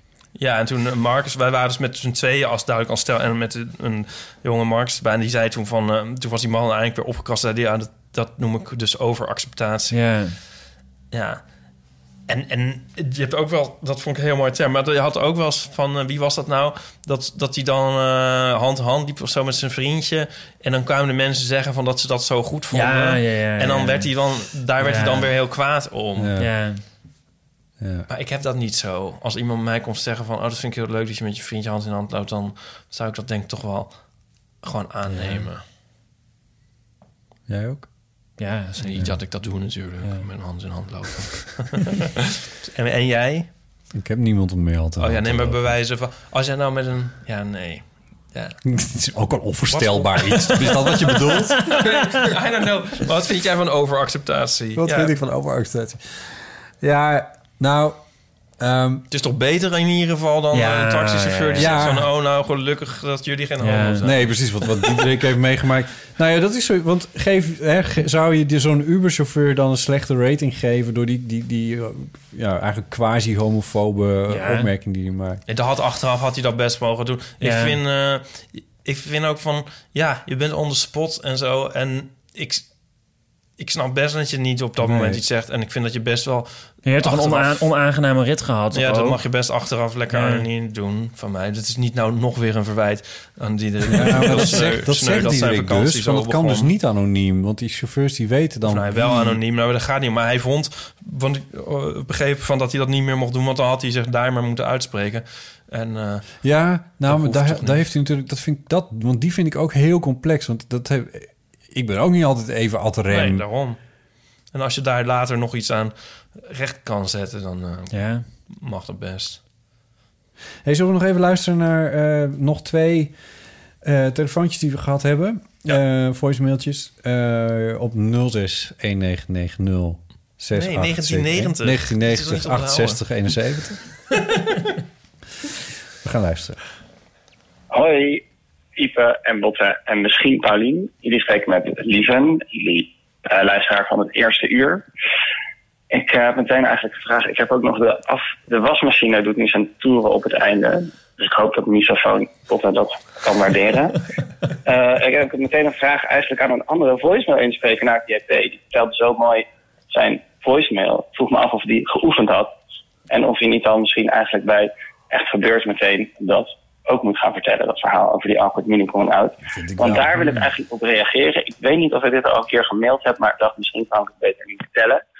Want eh, die awkward mini coming out ervaar ik als hetero of queer ook heel vaak andersom. Als ik in een eh, ho- homo-situatie ben, situatie kroeg of bar, eh, of bijvoorbeeld op mijn werk. Ik werk veel in de culturele sector en dan zijn er vaak jongens en die vinden mij dan, denk ik, interessant. En dan moet ik op een gegeven moment tegen hen zeggen: Ja, sorry jongens, maar eh, ik val niet op jongens. Tenminste, ik zoen wel eens met jongens, maar ik heb niet echt de behoefte om met ze naar bed te gaan. Ehm, en dat sluit dan weer aan op wat jullie al heel vaak goed zeiden: dat het gaat over die structuren eh, eh, van de maatschappij die je ertoe dwingen om op een bepaalde manier ergens uit voor te komen.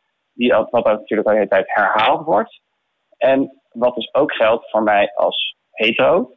En ik vraag me ook af eigenlijk of ik daardoor queer word. Want ik ben heel sympathiek voor de queer cause. Maar ik voel me eigenlijk ook een soort van bedrieger omdat ik niet eh, per se een queer ben of me identificeer als queer. Behalve dan dat het politieke aspect en het verzetten tegen de structuren van de maatschappij mij wel aanspreekt. Ik ben heel benieuwd wat jullie hiervan vinden. Ik kan er nog even aan toevoegen. Hij belde later nog een keertje in en toen vertelde hij nog een anekdote over eh, dat eh, zijn lerares Duits ooit een keer tegen iemand heeft gezegd: Ik weet nooit of Lieve nou een jongen of een meisje is. Oh. Het- ja, dus dat vind ik al, al heel leuk. Ehm, en verder vraagt hij zich dus... Ja, hij, hij bestaat hetero-queer? Ik, ik waarom denk het wel. Ik zou niet weten waarom niet, eigenlijk. Dus lieve trek je daar niet te veel van aan, vind ik eigenlijk. En ehm, hij, hij heeft het dus over dat hij als, eh, als hetero dan in, in, bij in homogelegenheden is, laten we het zo zeggen.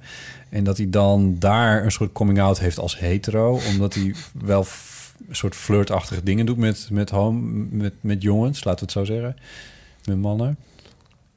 Maar dat ik het zelf, dat ik, dat ik, dat ik diep van binnen eigenlijk een soort obstinaat gevoel heb daarbij, omdat ik denk van ja, maar als je naar, naar die hetero-gelegenheden gaat, is een soort, soort impliciete afspraak dat, dat, dat, dat je dan daar homo bent of zo. Dat is een, gek soort regel, wat natuurlijk niet, niet echt geldt, maar, maar het is een soort impliciete afspraak. En als je dan ineens hetero blijkt, dan is dat dat- is als iets waar dat is iets waar ik zo vaak in mijn leven tegenaan ben gelopen, omdat ik zo vaak verliefd of crushes heb op jongens die hetero zijn, dat ik het eh, dat ik het ook wel fijn vind dat er dat soort plekken bestaan waar dan alleen maar homo's zijn. Als er dan een- ineens iemand, ja, ik bedoel, ik wil liever op geen enkele manier disqualificeren, maar het is ik, maar ik, dat bedoel ik dus met dat gevoel wat ik diep van binnen wel een beetje voel van... ja, maar lieven, ik ga daar dan niet naartoe of zo. Ja, maar je, je merkt dat toch als je met iemand praat, zou ik zeggen. Of iemand homo is of niet. Nou ja, met je Lieve heeft merkt... het eerlijk gezegd wel eventjes geduurd... voordat ik dat bij hem precies in de gaten had. Nee, oké, maar ik bedoel... Die liefde is oké als een deur. Als een schuifpaar. Nee, maar ik bedoel meer, je gaat toch ook niet met iedere jongen in de, in de, in, daar aanpappen. Je Nee. praat met iemand en Ja. dan is er een connectie of niet. Ja. En dan gebeurt er meer of niet. Ja. Dus dat zou ook hier volgens mij prima kunnen. Dan hoef je niet uit de kast te komen. Je hoeft niet te zeggen, ho, stop, botten, eh, ik ben hetero. Ja, maar dat, dat moet lieven dus kennelijk wel zeggen af en toe. Ja, maar dan geeft hij misschien wel signalen af of zo. Ja, als hetero-queer geeft hij wel bepaalde signalen af. En hij zegt ook dat hij staat te zoenen met, eh, met mannen af en Ja, oké. That's a pretty strong signal. Ja, daar zou ik toch ook wel iets uit afleiden als ik Ja, een nee, dat is waar. tegenpartij zou Ja. zijn. Ja. Weet je nog dat liedje van... I see the signs. You're telling me that you're leaving. Ja. That's a pretty strong sign. Eh, maar... ehm, nee, ik moest het houden aan denken... Wij, wij grappen toch altijd van... Oh, je zou maar hetero zijn. En dan doen we een soort grap... um, Voor de grap medelijden met hetero's. Doen we toch wel eens? Ja. Nou, en Voor de ik- grap medelijden met hetero's. Ja. Zo van, oh, je zou maar hetero zijn. Zo saai en vreselijk en zo. En Dat, dan, ik denk van, als ik, als ik hetero zou zijn... zou ik denk ik, zou als lieve zijn. Dan, Ja. hierin. Het is Ja. toch ook veel leuker om naar een homo-kroeg te gaan. Ook voor lieve. En eh, hij is een, denk ik, in ik bedoel, hij is toch ook best wel queer, leuke, eh, lieve, sensitieve jongen. Ja, is hij ook. Ja, alleen dat laatste stukje zit er dan net niet in. Maar dat is, ik snap wel van, voor hem de, dat daar een soort lastigheid Ja. in zit. Maar ik vind dat hij heel... Maar is dat niet dat hij dat meer bij zichzelf voelt... en dat dat echt een probleem is? Voor, voor de mensheid toch niet? Die hebben toch nog genoeg om uit te kiezen. Ben jij ooit verliefd geweest op een hetero jongen? Ja, wie niet? Hij moet gewoon naar, naar alles toe gaan hoor, lieve. Ja, ja. Ja, ja, nee, dat is zeker. En, en, en andere queer het hetero. Nee, maar ik bedoel dus eigenlijk te zeggen van misschien... Nee, maar, Nee, maar, maar ik bedoel eigenlijk te zeggen van misschien is het, is het probleem in zijn hoofd groter dan in de... En over vijf jaar komt hij uit de kast. Oh, sorry. Nee, in zijn hoofd is het misschien een groot probleem dat het is. Ja, maar ja, of hij vindt het misschien gewoon jammer dat hij toch niet homo is. Maar dan moet hij toch een keer gewoon maar eens wel een keer die stap zetten. Ja, Of is dat heel raar advies? nou, dit is wel een beetje gek advies. Oh, sorry. Ik denk dat Liefde er wel redelijk over heeft nagedacht. Zo iemand is het namelijk wel. Hij is student filosofie. Of was, afgestudeerd. Dus dat zijn wel denkertjes, zullen we maar geen zeggen. student filosofie te zijn om over seks na te denken. Nee, maar over je geaardheid heb je dan toch echt wel... Waarschijnlijk heb je daar wel... Ja, ik weet niet. Daar zul je toch wel enigszins over hebben nagedacht, denk ik zo. Maar, maar goed, ja. Ja, ik, ik, ja. Ja, kut voor je lieven. Maar het is kutter voor ons. Eigenlijk. Voor ons homo's. Want? Omdat je dan met een hele leuke jongen... En dan is het... Ik bedoel, ja, jezus, ik heb zo... Het is echt... Het is, het is onderhand een... een, een, een een bus vol met jonge mannen waar ik onderhand verliefd op ben geweest, die, Is dat, die dat- hetero. Is, dat, is dan toch een soort alsof je verlie- Als je altijd verliefd wordt op iets onbereikbaars, dan is daar iets anders aan de hand. Ja, dan wordt dat een patroontje en Ja. dan zit dat in je systeem. Dat zou, dat, dat zou kunnen, ja. ja. Ik word juist helemaal nooit verliefd op hetero's. Dus die zie ik niet eens. Dat zijn is wel een soort... eh, nou, god had ik jouw hoofd maar. Ja, en als iemand... En Nou, als nee, ik weet je best- wat? Nee, iemand nee, nee. aanzie voor, voor gay en dan is hij het niet. En dan is het ook meteen van... eh, oh, Dan vind je het meteen heel onaantrekkelijk. Ja? ja dat Echt? de knop om. Ja, dat, dat doet me niks. Hetero's, nee. Heb jij dat ook? Met een baarden. Ehm, nou, nee, ik vind hetero's ook wel interessant, denk ik. Maar Ja. gewoon naar te kijken, verder niet. Hmm. Ik ga er niet iets van mee, geen actie op ondernemen. Nee. nee. Volgens mij, met die eh, awkward mini coming out... volgens mij zijn we er nog lang niet van af. Nee, ik wou net zeggen, dat houdt iedereen echt wel eh, bezig. Ja, ja. Ja. Maar ik heb, dat dus, ik heb dat dus zelf nooit echt zo... Maar ik vind... Ik, Die awkward ja. mini coming outs niet. Nee. Want?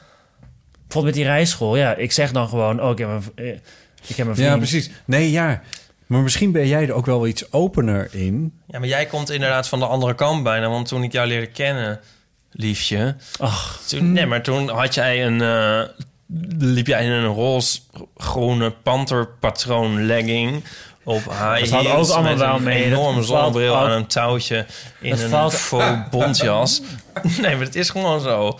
En eh, je was een ontzettende verschijning in die zin. En jij bent zo, zo uit de kast geweest als, als er ooit maar iemand uit de kast was. En je hebt het een beetje downgetoond langs mijn hand, denk ik. Maar ik denk dat dat voor...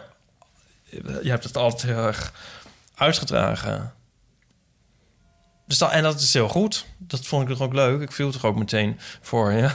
Maar wat- Was er maar geen hoe heeft dat dan jij misschien hetero met- was? Nou, dan, dan heb... Want de awkward mini coming outs gaan over assumpties die mensen hebben. En de assumptie is bij een awkward mini coming out... oh, dit is een hetero man. Wij hebben bijvoorbeeld... eh, wij hebben een, eh, een king size bed... in plaats van een double bed eh, in ons hotel voor jullie geboekt. Terwijl als iemand jou aan eh, eh, de baarden zou krijgen in zo'n hotel... en die weet van, oh, dit is een... eh, we hebben een king size bed. Oh, dat klopt meteen. Dat klopt meteen bij jou. De assumpties kloppen bij Ja. wat jij uitstraalt. Ja? Wat je, nou, wat je uitstraalt klopt met wat je bent. Dat is denk ik hoe ik het moet zeggen. Ja, maar door een double bed is toch juist ook een groot bed? Nee, als je een kamer met een double... Ja, Dat is toch één bed? nee, Nee. Dat zijn, dat zijn, dat, dan heb je wel twee bedden op één ja. kamer... maar dat, die staan dan los van elkaar. Maar waarom zingen de Smiths dan a double bed and a stalwart lover for sure? These are the riches of the poor. Ja, hoe met je, met je ik citaten de hele tijd... dan moet je aan de smid Maar- vragen, hoor. Oké, eh, ja, ga door. Nou, ik weet het niet meer. Nee, ik weet het wel. Nee, maar ik bedoel, niet iedereen staat toch ook voor, daarvoor open. Dus daar ligt, daar, dan, dan neem je al aan dat iedereen die mij ziet, eh, daar, daar ook dat ook zeg maar, accepteert Nou, dat maar te dat is, zien. dat is het tweede. Dat is het tweede. Het eerste is assumptie. Het tweede is of je ervoor open staat of niet. Ik? Nee, degene bij wie, bij wie je de awkward mini coming out Ontlokt. maar die heb jij niet. Ja, ja. Maar, ja, precies. Ja. We worden wel steeds een beetje beter in eh, het definiëren van wat het nou eigenlijk precies is. Vind ik eigenlijk goed. Ik vind het wel jammer dat ik dit alleen moet doen, omdat Ipe zit te sms'en. Ik heb even gefact-checked. Ja? En een double bed is inderdaad wel een tweepersoonsbed. En een twin room... of heeft een twin bed met twee losse eenpersoonsbedden. Ja, ja. Waar, waar, waar heb je dit gecheckt? Op tnfsh.nl. Ja, precies. Ja. Nou, dat gaan we, die gaan we die hele site nog een keer factchecken. Maar Oké, ik kijk het ook nog even op lingui.nl. Nou, Ja. ik vind het heel onbelangrijk. Kijk, twin beds zijn... Een double bed is, een, is, is dus wel een tweepersoonsbed. Een twin bed is een... Dat zijn losse bedden. Ja. Ja. Oké, nou, eh, weet je, ik vind het gewoon heel tof dat jij die mini-coming-outs niet hebt, want ze zijn niet zo leuk. Oké. Ja. Ja, maar ik vind dat ook meer dan... Nou lijkt het weer alsof het dus mazzel is. Terwijl... eh, nee, het is, nee, nee, nee, helemaal ja, niet. nee. Het is geen mazzel. Het is, Maar is het ook niet gewoon dat je zelf een probleem maakt? Ja, je moet het, nou, je moet het dus ownen. ja. Want als je dus, ik bedoel, als je niet op de eerste gelegenheid zegt van ik heb een vriend en Ja. je laat het een soort sudderen. Precies, dat is het, ja. Toch? Ja, eigenlijk als het dus zo'n taxichauffeur de bek open doet... dan moet je meteen... Wow, let me stop you right there. Ja, maar met die, We're ja, maar die- gay. En ik heb Ja, maar mijn met die rijles vinger- bijvoorbeeld, als het bij de eerste rijles, als die man vraagt van heb je een vriendin? En als je dan niet zegt nee, ik heb een vriend, dan al die rijlessen lang zit je daar zo, eh, toch? Ja. Dit is wat jij een keer hebt beschreven bij het een of het ander. Wat was het nou weer? Ja, al die kapper, kappers van ja, hem. Die kappers van hem, ja. een hele, het hele leger aan kappers. Ja, maar zo zie je maar weer. Daar gaat het dus inderdaad over, ja. Ja, en het, ik denk dat het gaat over het ownen, zoals jij dat zegt. Het, het gewoon... Ja, maar aan de andere kant denk ik ook... waarom is de tegenpartij niet zo open... dat hij dat niet gewoon als een soort vraag laat bestaan... totdat... en niet, en niet die assumpties maar maakt. Want dat kan dan ook nog namelijk. Ja. We maken tenslotte even een sprong in de tijd. Begin augustus 2018, bijna een jaar nadat de term was gecoind door twitteraar en eeuwluisteraar Bas, gebeurde er iets bijzonders. In aflevering 61 van de Eeuw van de Amateur vertellen we erover. hey, we stonden op geen stijl. Oh ja. Tenminste, ja. We stonden op geen stijl, wel een soort met. De titel van het stukje was, eh, en dat is eh, nu eh, drie dagen geleden verschenen... eh Turbojankers zuchten onder micro-coming-out. Zal ik het voorlezen? ja. Pride, mooi man. Lekker vieren dat je overal in landen waar je geen vrije westen hebt, geen leven hebt met homo, maar hier lekker wel. Maar is zo'n feestje een reden voor een feest? Nee, natuurlijk niet. Dit klopt overigens niet. Ja? Nou, Ja? Waarom zou je met... Je viert natuurlijk niet met Pride dat je geen leven hebt met homo... in landen waar je geen vrije west hebt. Maar dit is zijde. Ja. Toch? Dat is Nee, raar. nee, onderbreek me. Nee, dat, ja, maar ja, goed. Het is Ja, geen stijl. Nee. Nee. Eh, nee, nee, natuurlijk niet. De professionele homo's moeten natuurlijk wel wat te miepen hebben, want zonder miepen is het geen Nederland. Nu is Ja, het dat weer. klopt wel. nu, oké, ik stop na elke zin en dan kunnen we evalueren of het Ja, dat is misschien het best.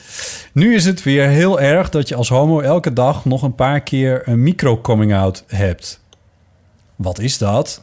Dat is dat voor u onbekende mensen tientallen keren per dag oppikken dat je anders geaard bent. Bijvoorbeeld door je loopje of het feit dat je heel hard Right Said Fred meezingt met je MP3-speler. Ja, dat is het. A, het is geen micro-coming-out, het is een awkward mini-coming-out. Mini. En ze re- hier staan de linkjes natuurlijk niet in, maar ze, ze linkte naar een artikel dat Linda Duits en Huh, ze had geschreven. Voor het het Poirot, dat stond er dit weekend in. En daar werd dan gerefereerd aan de eeuw van de amateur. En dat ging over de awkward mini-coming-out. Want Dus wij hebben die term nou eenmaal gecoind. dat hebben wij gecoind. En dat, is dus, eh, dat doen ze dus Gemunt ook al niet goed. gewoon, gemunt. ja. Dit hebben ze, dat doen ze dus ook al niet goed. Dat is één ding.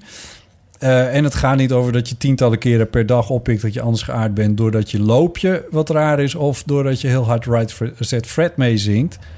Wie zingt Right Set Fred mee? Ja, dat heb ik ook. Dit, dit, daar heb ik dus ook bezwaar tegen. Ja. Net zoals Heaven 17 speelt morgen in Amsterdam.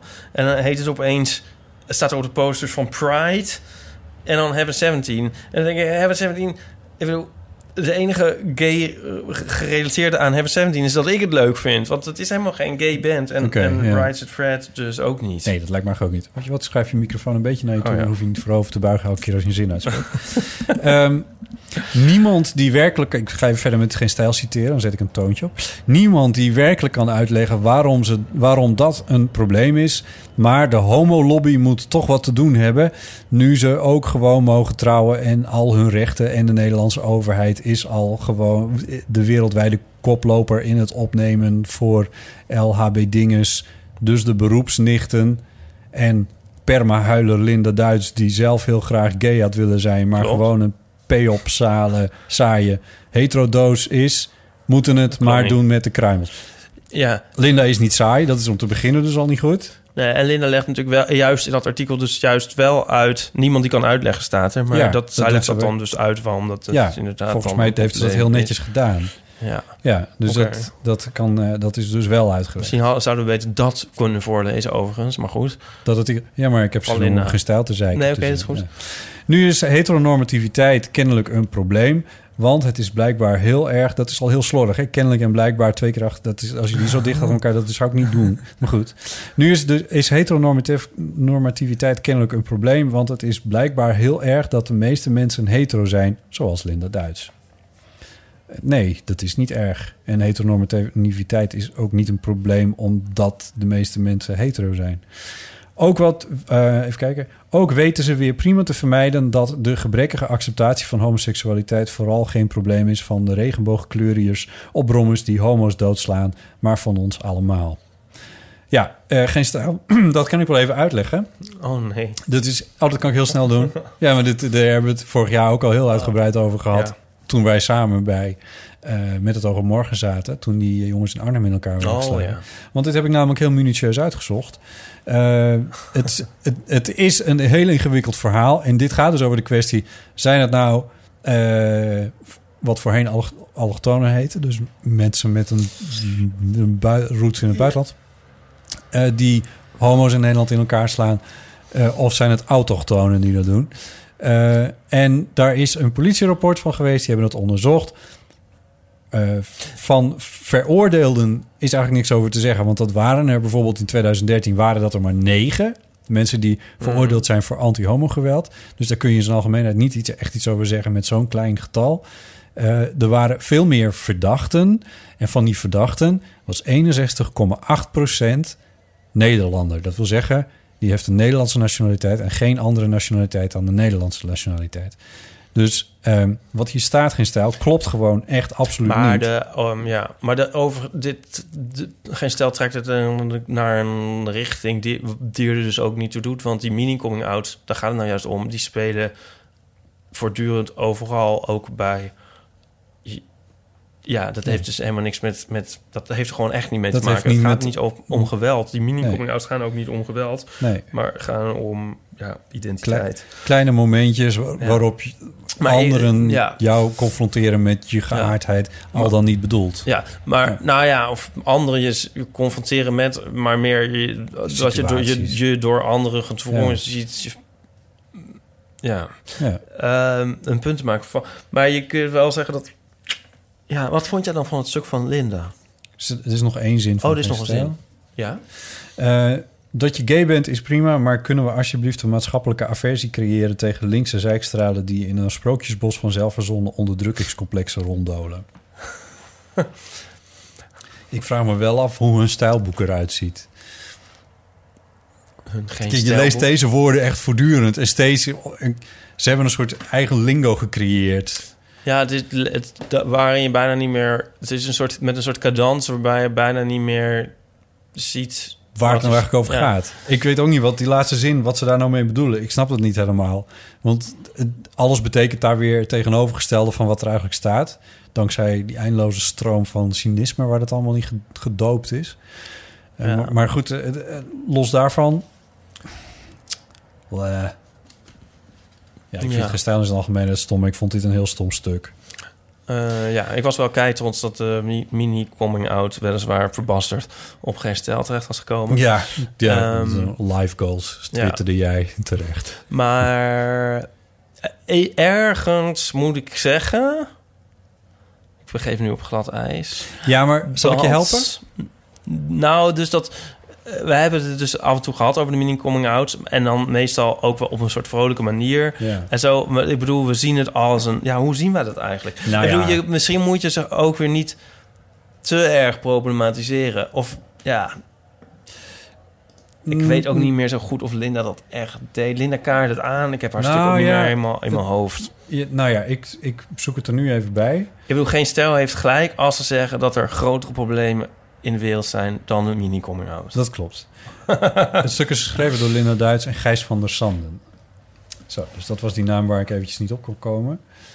Het was wel zo dat het stuk van Linda en eh, van der Sanden... dat eindigde ermee...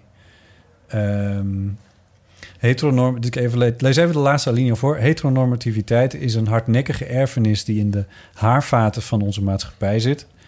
Eh, het is bovendien een vaak onbewuste manier van denken, maar dat betekent niet dat we er geen invloed op kunnen uitoefenen. Pride is een uitstekend moment om ons te trainen. Eerst eens een week lang zonder heteronormativiteit, vervolgens altijd. Van het woord trainen krijg ik ook een beetje jeuk, maar op zich heeft ze hier wel een, hebben ze hier wel een punt mee. Ja, ze hebben natuurlijk... Een, ik vind het helemaal niet gek om het eens onder de aandacht te brengen. Ja, maar tot het is niet het einde van de wereld. Het is alleen Ja. wel zo dat er Maar goed, dat zeggen ze ook eigenlijk inderdaad niet, geloof ik. Nou, het is alleen wel. Nee, dat, dat, nee, natuurlijk niet. Het, het is een stuk wat even geschreven is in het kader van de Pride, niet in het kader van het oplossen van de wereldproblematiek. Ehm, het is wel zo dat ik wel denk dat eh, die awkward mini coming outs eh, een uitingsvorm zijn van. eh, nou, misschien die, wat zij dan heteronormativiteit noemen. Ik denk dat het iets verder gaat dan dat zelfs nog. Ehm, en dat, dat, dat je daar als homo, maar daar, daar hebben we het ook al lang en breed over gehad in deze podcast, dat je daar als homo wel heel veel last van kan hebben. Dat je namelijk probeert te voorkomen dat je in situaties komt waarin je die awkward mini coming outs hebt. Ja. Dat je wil, dat, want waarom heb je die? Dat is toch, dat heeft met schaamte te maken. eh, dat je eh, die, de- zo, dat je zo'n coming out niet wil. Eh, en dat is wel een groot probleem. En als mensen daar meer over willen weten, dan zou ik zeggen: Google vooral eens een keer het eh, Minority Stress Model. Eh, of luister mijn radiodocumentaire van vorig jaar april www.bottijalema.nl slash documentaires. eh, waarin ook het nodige daarover wordt uitgelegd. En dan Had, had ik je verteld dat over mijn awkward mini-coming-out tegenover die buschauffeur op dat traject naar Groningen? Oh ja, je moest naar Groningen, hè? Heb ik dat nou verteld? Nee, al in de podcast? jij moest, jij moest naar Groningen voor, die, voor promotie. iemand promoveren op fotostrips. Ja. Wat al heel erg vet is. Ja. Maar, toen was er dus... Er tussen- reden geen treinen naar het noorden, feitelijk. Ja, tussen... eh, God, tussen zo het een en het ander. Ja. Moest je dan met de bus? Ja, in plaats van dat ze nou vliegtuigen inzetten. Zo'n ingezette bus. en, eh, en toen, het was drie kwartier en ik moest... ehm, ik, ik was de laatste die nog in die bus kon. Dus normaal ben je dan blij. Ja. maar toen mo- moest ik dus naast de chauffeur zitten op de bijrijder. Oh, nee. Ja. En, ehm, Heb je de microfoon ook gepakt? maar toen... Heb ik het nog niet Aan de verteld? linkerhand ziet u een rode school. nou, wist ik wel waar de ik was. en die is hier nog. Ja, ja. Ehm, maar die buschauffeur, die ging... Een gesprek begon die met mij. En de hele bus was verder doodstil. Die voelde ik een soort in mijn rug. en ja, er was verder niks te horen. Er stond ook geen muziek op. En ik had het idee, iedereen luistert nu mee. Ja. En ja, de buschauffeur bleek, was 22. Was niet eens onknap. Maar die vroeg mij eigenlijk in feite het hemd van het lijf. En toen kwam er dus ook zo'n mini-coming-out moment aan. Want het ging al over wa- waar ik woon en ik veel wat en hoe, en, eh, hoe en wie en wat. En toen ging het van, oh, een, een huis gekocht. Oh ja, met je, met je vriendin. En hij gaf ook nog een soort heel hetero, non-heteronormatief. Hij gaf een soort voorzet van of. Of. Oké, ja. Ja, maar ehm, nou ja, dus dat was dan toch weer een soort coming out tegenover ja, hoeveel mensen zitten er in zo'n bus. Ja, maar je, er- er is toch heel veel bandenruis en, en andere... Jawel, nou ja, nou, het was doodstil, moet ik zeggen. Ik was was te- te- ik kon een too silent for comfort. ja. Oké. Ja, dat was mijn laatste awkward mini coming out. Oh, wauw. Ja, maar Ja. dit is wel een mooi voorbeeld. Ja, maar Het was een coming-out waar je niet per se op zat te wachten. En het was een moment waar je... Het was een intimiteit die je misschien niet per se had willen delen met... Ja, maar als ik dus... me aan- Nou ja, niet had willen delen... Kijk, ik denk dus zo in zo, op zo'n moment van... ehm, het is een beetje ongemakkelijk. Ja, dat, daarom is het woord awkward. Dat heeft geen stijl weggelaten. Ja. Maar eh, in a way ben ik het eens met hun laatste zin... als ze zeggen... Voorlaatste, denk ik. Oh nee, ja, nee, daar ben ik het toch niet mee eens. nou, eh, ze zeggen sprookjesbos vanzelf is zonder onderdrukkingscomplexen. Maar het is wel met je sprookjesbos, denk ik, als je denkt dat je dit in een lifetime nog oplost. Ik bedoel, Ja. het is nou eenmaal... Het is goed dat, dat, zij een art- dat, dat, dat Linda en die gast een artikel schrijven en zo... en wat wij het erover hebben en zo. Maar dat zal gewoon... Dat gaat langzaam, gaat langzaam gaan natuurlijk, voor dit weggaat. Ja. Ja, dat is gewoon niet anders. Je kan niet verwachten van... Ja, dat, eh, ja, het zou leuk zijn misschien, maar daar... daar Ja. Ja, daar zitten we toch wel een beetje aan vast. En ik denk een beetje met elke awkward mini je out... ehm, breng je de oplossing misschien dichterbij. Ja, Doordat, misschien wel. Hè, mensen eraan wennen. En ik denk eh, ook- volgende generatie zal het wel eh, minder hebben. En dat gaat dan wel voorbij. En Ja. ik denk dat er niet heel veel andere opties zijn. Ja, mensen een beetje bewust maken. Ja. Nou ja, en Ja, geen dat- stijl mag wel wat roepen dan. En, ja, nou, wat ik, wat, dan maar zo. Ja, nou, wat ik er dus vervelend aan vind, is dat... Ik vind dat Linda en Gijs dus wel degelijk een punt hebben. eh, al was het maar omdat ze ons citeren. Maar eh, wat ik zelf dus altijd... Of altijd, maar op elke, elk moment waar ik in de gelegenheid ben om hier iets over te zeggen... dan zeg ik altijd van... laten we in vredesnaam proberen om onszelf en anderen die we hierop betrappen te corrigeren als ze homo of gay gebruiken als scheldwoord. Ja. Op schoolpleinen, Ja. eh, op voetbalvelden, maar Ja. ook gewoon in de kroeg met Ja, vrienden. maar of- geen stijl gebruikt bijna hetero als geld wordt door, door Linda dat zo aan te wrijven dat ze hetero is. Een poep, pejop, saaie hetero. Ja, ja. Ik wel weer grappig, wel weer geëmancipeerd van geen stijl. Ja, maar ze is niet, ze is niet poepsaai. Nee. Dus ze zal ook wel niet hetero zijn. Maar je kunt ook zeggen dat door geen, dat geen stijl het oppikt, ze eh, dat artikel wel een langere adem geven en het langer in aandacht blijft. En ehm, misschien onbewust hun lezers wel eh, Nou. op een manier in, in- beïnvloedt Ja. die ze helemaal niet voor ogen hebben. Er staan heel veel reacties onder dat stuk. En dat zeg ik zonder voorkennis van hoeveel reacties er nou eigenlijk onder andere stukken van geen stijl staan. Maar in dit geval, even kijken, 226. Oh ja, Ik weet niet of dat heel veel zijn, maar ik zie ook echt blokken en blokken tekst. Jezus. Er zijn hier mensen die hier hele essays hebben geschreven. Ja, ja. En ik heb lang niet alles gelezen, want dan, dat gaat gewoon niet.